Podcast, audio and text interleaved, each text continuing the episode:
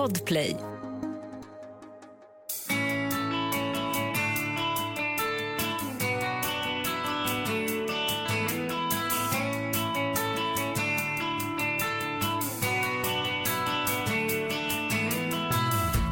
Hej, vad kul att du har hittat hit. Jag heter Anders Wallensten, jag är läkare, folkhälsoexpert och författare till boken Hälsogåtan. För visst kan det kännas som en gåta med tanke på hur många råd och rön vi möter varje dag. Men tänk om det inte alls är särskilt gåtfullt eller komplicerat, utan bara handlar om att förstå helheten. Jag tänker på det som sex nycklar som alla behövs för att vi ska må bra. Det är mat och sömn och rörelse såklart, men hälsan beror också på våra tankar, våra relationer och vilken omgivning vi är i.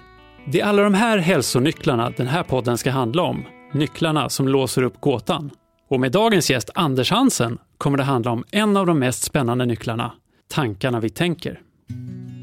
Och kanske tänker du ibland som jag, att jag bor i ett fredligt land med bra utbildning och sjukvård. Jag sitter i en mjuk soffa i ett varmt rum, jag är mätt och har en välfylld kyl. Men ändå är jag inte alltid lycklig. Varför känns det ibland så tungt fastän vi har det så bra? Den frågan ska du få svara på Anders Hansen. Välkommen hit! Tack! Du är ju mer än välkänd nu efter succéerna med böckerna Järnstark och Skärmhjärnan och inte minst tv-serien Din hjärna, men även mycket mer. Och din senaste bok, den heter Depphjärnan och det passar ju perfekt till dagens ämne som du hör. Mm, det gör det faktiskt. Du och jag, vi delar övertygelsen om att kunskapen om vilket liv vi anpassats till historiskt genom evolutionen är centralt för att vi ska förstå våra hälsoutmaningar idag. Men vi har faktiskt mer gemensamt än så. Vi gick i samma klass under första året i gymnasiet innan jag for iväg till Kanada. Stämmer. Och våra, sen skildes våra liv åt. Men det är verkligen intressant att tänka att vi knappast då kunde förutse att vi skulle sitta i den här studien cirka 30 år senare. Nej, verkligen. Och vad jag minns så gillade vi båda bägge ämnet historia. Men Mm. att det, det fanns ju inte så många andra ledtrådar till att vi skulle bli läkare eller hamna här eller, och just ägna oss det här författarskapet. Det, det, det stämmer. Jag hade inte eh, några sådana tankar. Det jag drömde om i den åldern var nog att bli filmregissör. Ja. Jag har alltid varit intresserad av storytelling och eh, jag eh, hade liksom tankar i de banorna. Jag tror mycket väl att jag hade kunnat gå en sån bana. Det vore väldigt intressant att se backa bandet och spela upp det igen och se hur den filmen hade sett ut. Ja, absolut. Och du beskriver ju dessutom i din bok hur du bytte karriär från Mm. ekonomi till läkare och, och så vidare. Så det, det har ju varit många, många saker som kunnat gå annorlunda på vägen. Vad innebär hälsa för dig? För mig innebär det att må så bra psykiskt och fysiskt som möjligt utifrån ens förutsättningar. WHO definierar hälsa som en komplett, jag menar, det är inte bara, de- de ser ett välbefinnande både psykiskt, fysiskt och socialt. Och eh, det låter fint och jag tror att det tyvärr är ouppnåeligt. Människan är inte utvecklad för att må bra jämt. Kroppen är inte utvecklad för hälsa, den är utvecklad för överlevnad och reproduktion. Så att för mig är det att må så bra som möjligt utifrån ens förutsättningar. Man tar neuroticism, alltså personlighetsdraget, hur mycket faror man ser, så är det till 50 procent ungefär medfött. Det bestäms av ens gener.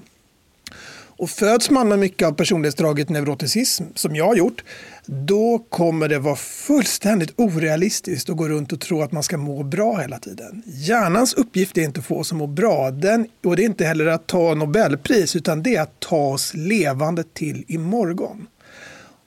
Och den insikten, det, det var den som lite grann grundade den här boken, skulle jag säga. För att förstå dig mer och lite, lära känna dig lite mer, hur gör du för att må bra? Jag är slaviskt noga med min sömn. Jag är väldigt noga med min fysiska aktivitet. Jag slarvar som alla andra, jag halkar dit också, men jag försöker i alla fall hela tiden. Och, eh, mitt mest utmärkande personlighetsdrag tror jag är nyfikenhet och jag odlar det på olika sätt. Jag läser väldigt mycket, jag ser väldigt mycket filmer och serier och annat. Jag försöker på olika sätt odla min intellektuella nyfikenhet och jag har försökt plocka bort så mycket måsten jag bara kan i livet. Det, det skulle jag säga är vad jag gör för att må bra. Liksom. Mm. Och det rimmar ju säkert väl med vad du har kommit fram till i den här boken. Vi ska ju gå, förstå mer av det nu. Men själva grundförutsatsen då? Jag tror många kan känna igen sig i paradoxen om att eh, man undrar varför mår vi dåligt fast vi har det så bra?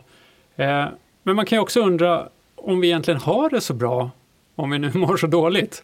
Vad, hur tänker du kring det? Jag, tänker, jag har funderat på det sedan jag var liten, att om man tittar på vår historia så har ungefär hälften av alla sapiens dött innan tonåren. Det är våra grundförutsättningar. Det är det vi är utvecklade för. Och idag så har vi en medellivslängd på kring 80-82 år. Det är fullständigt fantastiskt. Spädbarnsdödligheten har vi tryckt ner på till väldigt låga nivåer. Vi är rikare, fredligare än vi har varit i vår historia.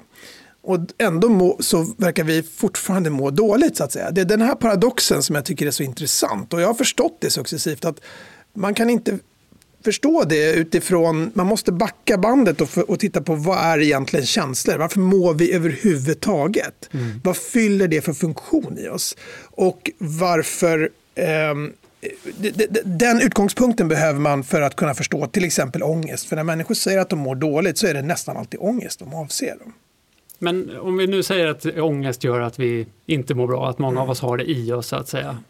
Har det alltid varit så tror du och i samma omfattning eller är det något med det moderna samhället som gör att det här blir ett större problem? Det är en jättesvår fråga att svara på. Om man börjar med ett längre perspektiv. Mår vi bättre eller sämre än våra förfäder? Ja, de har inte efterlämnat några psykologiska utvärderingar så det är svårt att jämföra. Men man har, när man har studerat nutida jägar samlargrupper som lever som våra förfäder har gjort så visar det sig att depressioner, så som vi känner dem i alla fall, är väldigt ovanliga. De förekommer, men de är väldigt ovanliga. Och då ska man komma ihåg att det här är grupper av individer som när nästan alla vuxna har förlorat ett barn. De har inte tillgång till några terapeuter. De har inte tillgång till några antidepressiva mediciner. Ändå så drabbas de sällan av depressioner. Och det har fått mig att fundera, vad är det de här personerna gör som gör att de är skyddade? Så att på lång sikt så kan vi nog, så må vi nog, kan vi nog må sämre eh, än vi har gjort tidigare. På kortare sikt, på ett par decennier, så är det jättesvårt att säga om vi mår sämre än vi gjorde. Det är svårt att jämföra mående idag med 90-talet. Eh, och det beror på att den här typen av undersökningar bygger på att man ställer frågor. Mår du ofta dåligt? Och vad det är att må dåligt är väldigt subjektivt och sånt förändras över tid. Så, men, så jag, jag har verkligen borrat i det där. Om man tar det korta perspektivet ett par decennier så går det inte att säga att vi mår sämre idag än tidigare. Men det, det, det, det mest intressanta är inte det utan det mest intressanta är att vi inte verkar må bättre i alla fall. För vi har sedan 90-talet fått det dubbelt så bra. BNP har ökat med 100 procent sedan 90-talet. Ändå verkar vi inte må bättre. Och det är liksom, när man kommer till den slutsatsen så kan man tänka, ha det är ingen idé, det spelar ingen mm. roll vad vi gör. Människan är utvecklad för att må skit. Det spelar, mm. det är, alla försök att förändra det här är lönlöst och jag tror inte det. Utifrån mitt jobb som psykiatriker så har jag sett så många bli bättre i depressioner och ångest och annat genom att förändra sin livsstil. Så jag tror i högsta grad att det är värt att försöka förbättra sådana här saker. Är det någonting i våra moderna samhällen som vi har svårare att hantera. Jag tänker på informationsflöde, det här med jämförelse med andra som kanske är annorlunda när man levde i en liten grupp, inte hade så mycket tillgångar. Kan det här vara eh, någonting som gör att livet blir liksom mer komplicerat och driver på den här oron på ett annat sätt? Absolut. Så Hjärnans viktigaste uppgift, som jag sa tidigare, det är inte att må bra, utan det är att ta oss till imorgon. Det är överlevnad. Hur överlevde vi? Jo, vi överlevde tillsammans. Att vara utskjuten, det innebar undergång. Ensamhet var inte tråkigt historiskt, det var döden. Det var lika viktigt att ha en grupp att tillhöra som att ha mat. Vad fick det till förföljd? Jo, det fick till förföljd att människor ställer sig hela tiden frågan Funkar jag? Duger jag? Passar jag in? Är jag tillräckligt smart, snygg, framgångsrik för att vara en del av gruppen? Och den, gruppen, den frågorna ställer man sig allra mest i tonåren, som bekant. Då. Historiskt har man förmodligen ställt den här frågan i grupper om 100-150 personer, för det är så många man har levt med. Sapiens har levt i grupper om 100-150. Idag så lever vi i i städer med miljontals människor. Och vi matas med en perfekt fasad av hur andra fungerar, hur mår hur de, hur de lever. Och den fasaden får vi itryckt i oss genom sociala medier tre, fyra, fem timmar om dagen. Och eh, det är inte bara det att vi får av våra kompisar, vi får av en massa Instagram-kändisar och liknande. Och det vi upplever då tror jag är att jag duger inte. Jag passar inte in. Jag platsar inte i gruppen. Och det man upplever deep down tror jag, det är att man förskjuts. Man trycks ner i hierarkin och det mår man dåligt av. Så jag tror att den här Vi är inte ättlingar bara till de som var mest neurotiska och såg faror överallt. Vi är ättlingar till de som var desperata i sin strävan att höra till en grupp. Och mycket riktigt så visar det sig nu att tonåringar, framförallt tonårstjejer, som överanvänder sociala medier, ja, de mår sämre. Mm. Det har ju till och med mm. Facebooks egna data visat. Mm. Det handlar inte om att vi ska stänga av, vi ska inte backa till savannen, mm. det är inte poängen med något av det här. Men vi måste förstå våra grundförutsättningar för att kunna må och fungera så bra som möjligt.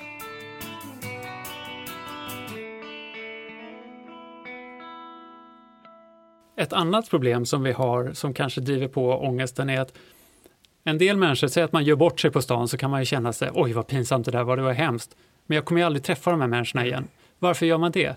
Hade man levt i en grupp jägare-samlare så hade man antagligen träffat den här människan inom en mm. kvart igen och fått svaret på, är den här människan arg på mig eller inte på riktigt? Men nu så är det så många tillfällen där vi jämför oss och vet inte om vi duger, vi kanske eh, säger något och undrar hur det uppfattades och liknande. Och vi kan liksom inte riktigt få svaret på det ganska snabbt och då ligger den här ångesten kvar. Eh, vad tänker du om det? Nej, jag, tror, det, jag tror att du har helt rätt och eh, jag har tänkt på det många gånger att jag kan bli arg om jag kör bil. Och så gör någon en konstig omkörning och jag hojtar och gapar och skriker i bilen. Och så tänker jag, varför gör jag sådär? Jag kommer aldrig se den här personen. Det enda som händer är att mitt blodtryck stiger och att jag får förmiddagen förstörd. Och så har jag insett det successivt att vår psykologi är utvecklad för att det inte finns några främlingar. Alla människor man träffar träffade man igen mm. under nästan hela vår historia. Om någon kör med en, jävlas med en, då måste man markera att jag accepterar inte det. Du kör inte med mig. För att om man inte gör något, då kommer man, eh, då kommer man öppna upp för andra att exploatera en själv.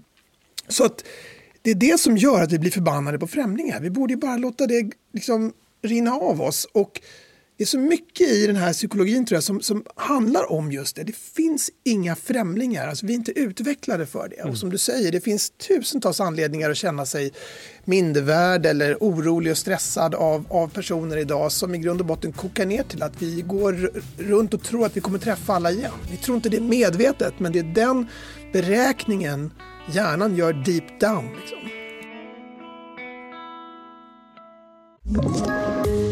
Poddtips från Podplay. I fallen jag aldrig glömmer djupdyker Hasse Aro i arbetet bakom några av Sveriges mest uppseendeväckande brottsutredningar går vi in med hemlig telefonavlyssning och, och då upplever vi att vi får en total förändring av hans beteende. Vad är det som händer nu? Vem är det som läcker? Och så säger han att jag är kriminell, jag har varit kriminell i hela mitt liv men att mörda ett barn, där går min gräns. Nya säsongen av Fallen jag aldrig glömmer på Podplay.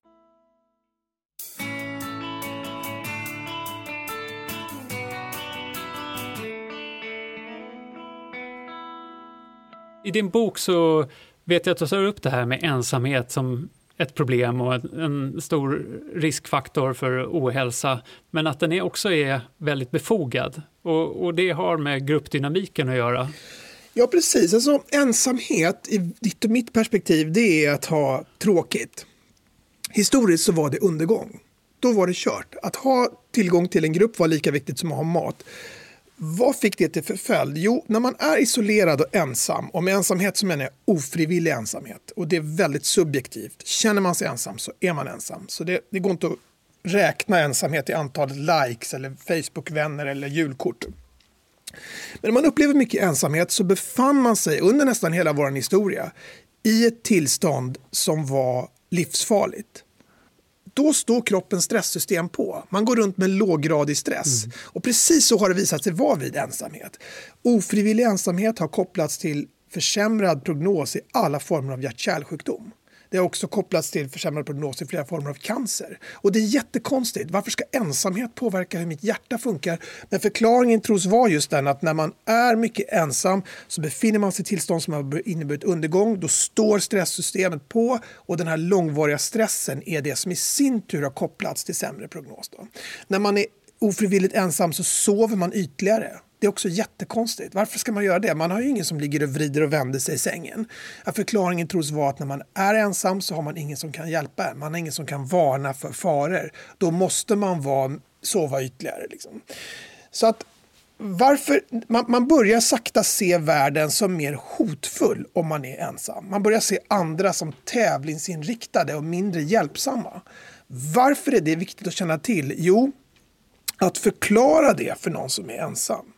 Att, att den här interaktionen på ICA eller på jobbet som du upplevde som negativ, den kanske inte var det. Och att systematiskt i terapi lära sig hur man reagerar på ensamhet och varför man reagerar som man gör på ensamhet. Att det inte är tecken på något sjukt utan i grund och botten är det tecken på något friskt. Att hjärnan vill hjälpa en. Det, att, att förstå det har visat sig vara ett av de effektivaste sätten att bryta ensamhet. Och det är lika viktigt att känna till det här om man har andra i sin omgivning som är ensamma. Att de framstår som taggiga, det behöver inte betyda att de är arga eller sura på en utan det kan vara ett symptom på just ensamhet.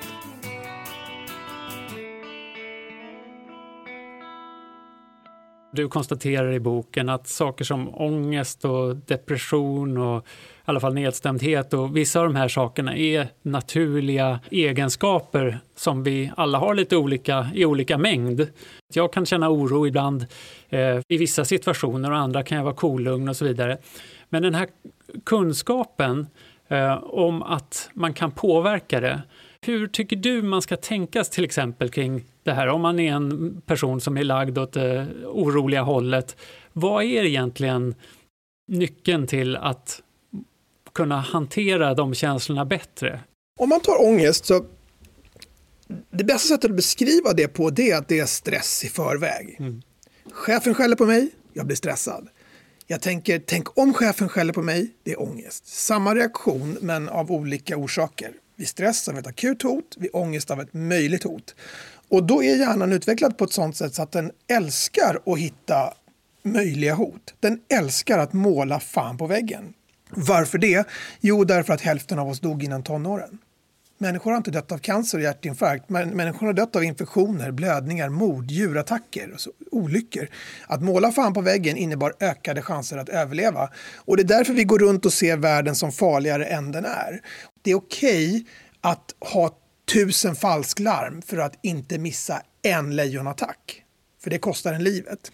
När man förklarar för patienter med panikattacker just det sammanhanget att varje enskild panikattack behöver inte fylla en funktion men det räcker med att en bråkdel av alla panikattacker räddade livet på en historiskt för att hjärnan skulle kalibreras på ett sånt sätt så att den vid minsta tveksamhet drar på stresssystemet så starkt att man får panik. När man förklarar det för patienter och det verkligen sjunker in, då säger en del av dem nu fattar jag det är inget fel på mig för att jag får en panikattack. Och när de inser det, då har jag märkt att då kommer panikattackerna mer sällan. Det, det, är lite som att poletten måste trilla ner, att det här med känslor som man upplever, det är liksom hjärnan tar ut saker i förskott, men vi kan välja att genomskåda bluffen att det är ett falsklarm. Exakt. Alltså att förstå att våra tankar beror på biologiska processer men att vi samtidigt har förmågan att styra våra tankar till ett annat håll genom ökad förståelse och kunskap. Det är ju någonting som man verkligen kan ta med sig och man kan kanske öva på det på olika sätt genom att bli bättre att se på det här. Kanske i samtalsterapi eller kanske genom meditation eller liknande. Att man liksom övar sig och ser sig själv lite utifrån och inte bara är sina känslor. Absolut, men om man tar meditation, jag har försökt en del och den första övningen i meditation brukar vara fokusera på din egen andning. That's it. Håll inte på att värdera saker. Fokusera bara på hur du drar in luften, släpper ut den. Jag klarar det några sekunder. Sen så, så börjar jag tänka på något annat. Och då har jag tänkt i början, det där är to totalt misslyckad meditation. Katastrof. Sen har jag insett, det här är ju precis vad det handlar om. Det är så här hjärnan funkar. Den är som ett vilddjur som bara spinner en massa historier till höger och vänster. Vad gjorde jag igår, vad jag ska göra imorgon och det gör det och så håller den på att koppla ihop saker. Och det är otroligt kraftfullt. Och jag kan inte styra mig själv mer än att jag kan, jag kan fokusera på min andning några sekunder. Sen halkar jag in i det här.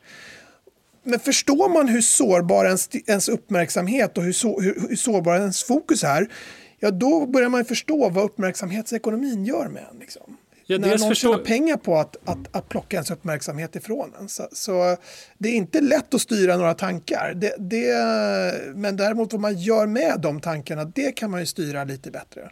Alltså den kunskapen kan ju göra att man förstår att alla ens tankar kan ju inte vara livsviktiga eftersom de skiftar så snabbt och så vidare.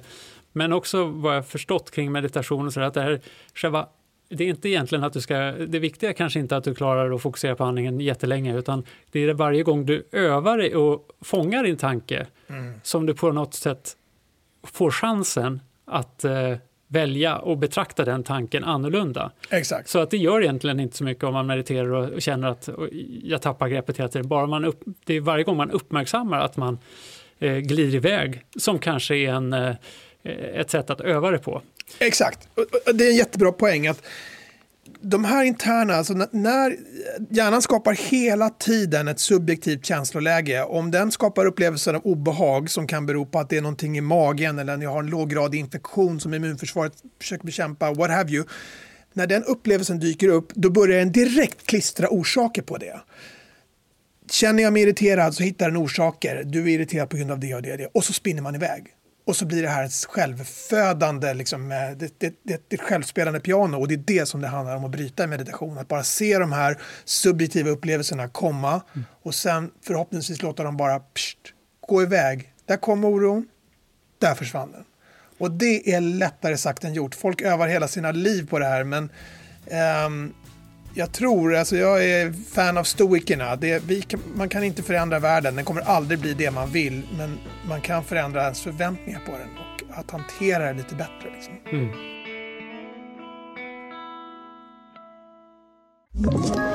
Ett poddtips från Podplay. I podden Något Kaiko garanterar östgötarna Brutti och jag, Davva, dig en stor dos skratt. Där följer jag pladask för köttätandet igen. Man är lite som en jävla vampyr. Man har fått lite blodsmak och då måste man ha mer. Udda spaningar, fängslande anekdoter och en och annan arg rant. Jag måste ha mitt kaffe på morgonen för annars är jag ingen trevlig människa. Då är du ingen trevlig människa, punkt. Något kajko, hör du på podplay. Därför är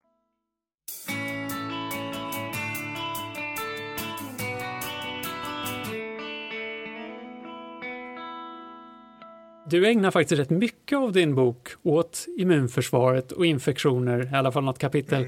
Mm. Eh, och det är ju lite förvånande när det är en bok om depphjärnan. Eller liksom, men för mig som har jobbat mycket med infektioner genom livet så tycker jag det förstås är intressant. Vill du berätta lite eh, varför du har valt att ha med så mycket eh, om just vår känslighet för infektioner och vad det har drivit fram? Ja, alltså hälften av alla människor dog innan tonåren. Och en majoritet av dem förmodligen i infektioner. Det är infektioner som vi utvecklade för att överleva. Vad fick det till för följd? Jo, det fick till följd att de som hade ett bra immunförsvar, de hade bättre odds att klara livhanken. Vi är ättlingar till dem, vi har också ett bra immunförsvar. Men immunförsvaret är faktiskt bara första steget att hantera bakterier och virus. Det ännu bättre steget är att undvika att få in dem i kroppen så att man slipper ha dem på plats från första, så att säga, från, från början. Och då finns det något som man kallar för vårt utvidgade immunförsvar. Och det är bland annat beteenden som gör att man undviker att bli smittad. Vi är väldigt bra på att snappa upp signaler på om någon annan är sjuk till exempel.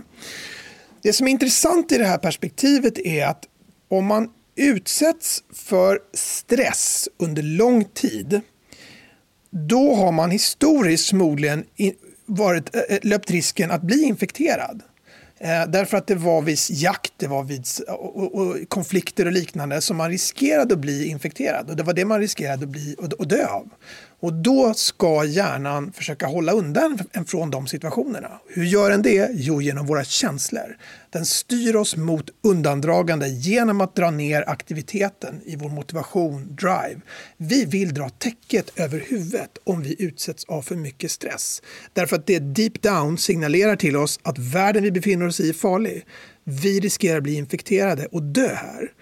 Och det här låter som en sån här just so story eh, som man kan göra om evolutionen. Men faktum är att det har de senaste två decennierna visat sig att det finns en nära koppling mellan just ökad grad av inflammation i kroppen och depressiva symptom.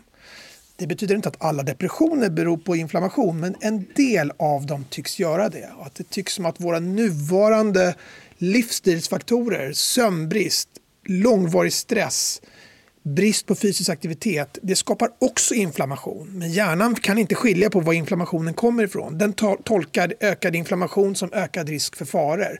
Och då drar den ner motivationen, driven.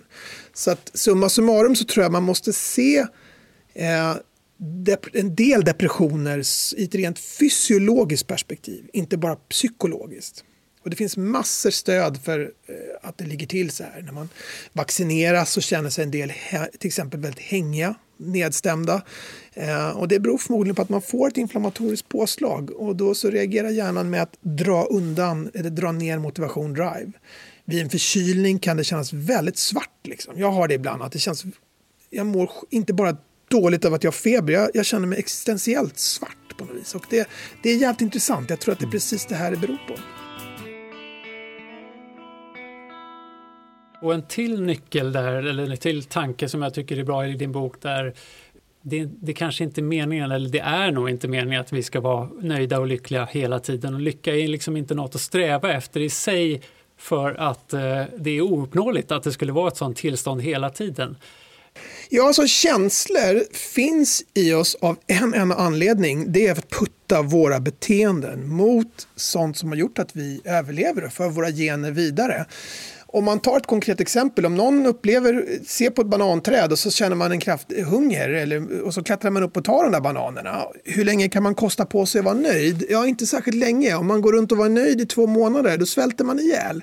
Så att positiva känslor ska vara övergående av den enkla anledningen att de ska motivera oss till beteenden. Och det kan vi, inte, vi kan inte sluta bete oss på det här sättet. Det är därför det inte finns någon gräns på våra önskningar det, det, gick aldrig att få för mycket mat historiskt. Det gick aldrig att få för mycket resurser. Det finns ingen bortre gräns på våra önskningar så att säga. Fast finns det ändå inte lite saker vi kan påverka för att ha mer av tillståndet lycka och glädje än olycka så att säga? Alltså, om man definierar lycka som det görs i forskning så är det en, att man är nöjd med sitt livs långsiktiga riktning. Och om man håller med om den definitionen, då har det gjorts en del fynd inom det man kallar positiv psykiatri, alltså forskning kring välbefinnande. Och ett av dem är att lycka, som alltså definierat som långsiktigt välbefinnande eller eh, att livet har en bra, korrekt riktning, det bygger på att man gör något som man känner är meningsfullt. Både för ens själv och för andra. Det är där i det verkar ligga för mm. de allra flesta. Det är där de flesta poletten trillar ner.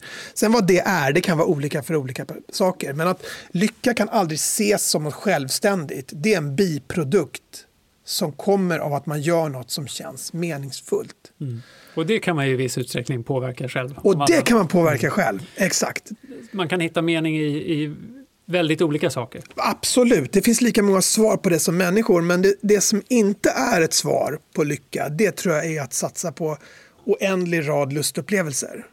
Hedonism leder till hedoni. Det är liksom, vi är bara byggda så. Och, och det här har folk förstått i tusentals år. Nu lever vi i en tid då vi klär den här eviga visdomen i hjärnforskningstermer. Vi pratar om dopamin eller något annat. Men i grund och botten så handlar det om saker som människor har fattat jämt tror jag. Och tankefällor vi alltid har gått i också mm. samtidigt. Mm. Jag tror att vi ska runda av nu, men vi brukar alltid, eller jag tycker att det är bra om eh, vi får med oss något sånt där extra konkret tips. Utifrån den här boken du har skrivit, Depphjärnan, vad är ditt mest konkreta tips någon, du som lyssnar kan liksom ta med dig redan idag och, och använda för att eh, må bättre eller må mindre dåligt, hur man nu ser det? Lär dig mer om hjärnan. Mm. Det är mitt tips. Och lär dig hur nära sammanlänkad den är med kroppen. Den här uppdelningen mellan kropp och hjärna som vi har fått lära oss om på läkarlinjen som bara raseras för varje år som går. När man ser att det är, inte, det är ett enda stort system som bara handlar om överlevnad och reproduktion. När man förstår det på djupet då kommer de här råden som vi pratade om tidigare kring motion och sömn och annat, de går till någonting man vill prioritera. Och dessutom så är det här oändligt fascinerande. Vi, har inte, vi behöver inte rikta blicken mot stjärnorna för att se universums största mysterium. Vi har det bakom ögonen. Anders Hansen, tack så hemskt mycket för att du kom hit. Det har varit väldigt trevligt att prata med dig och jag hoppas att du som lyssnat fått med dig mycket klokskap från eh, samtalet. Tack, kul att vara med. Och det var allt för idag. Och i nästa avsnitt av Hälsogåtan ska jag träffa Linda Åkerberg. En riktig äventyrare som har mycket att berätta om vad mötet med naturen kan göra för vårt välmående. Hela säsongen av Hälsogåtan finns i gratisappen Podplay. Annars nytt avsnitt varje tisdag där poddar finns. Jag heter Anders Wallensten, producent var Lisa Tallroth och klippning gör Mats Liljenberg. Tack för att du har lyssnat.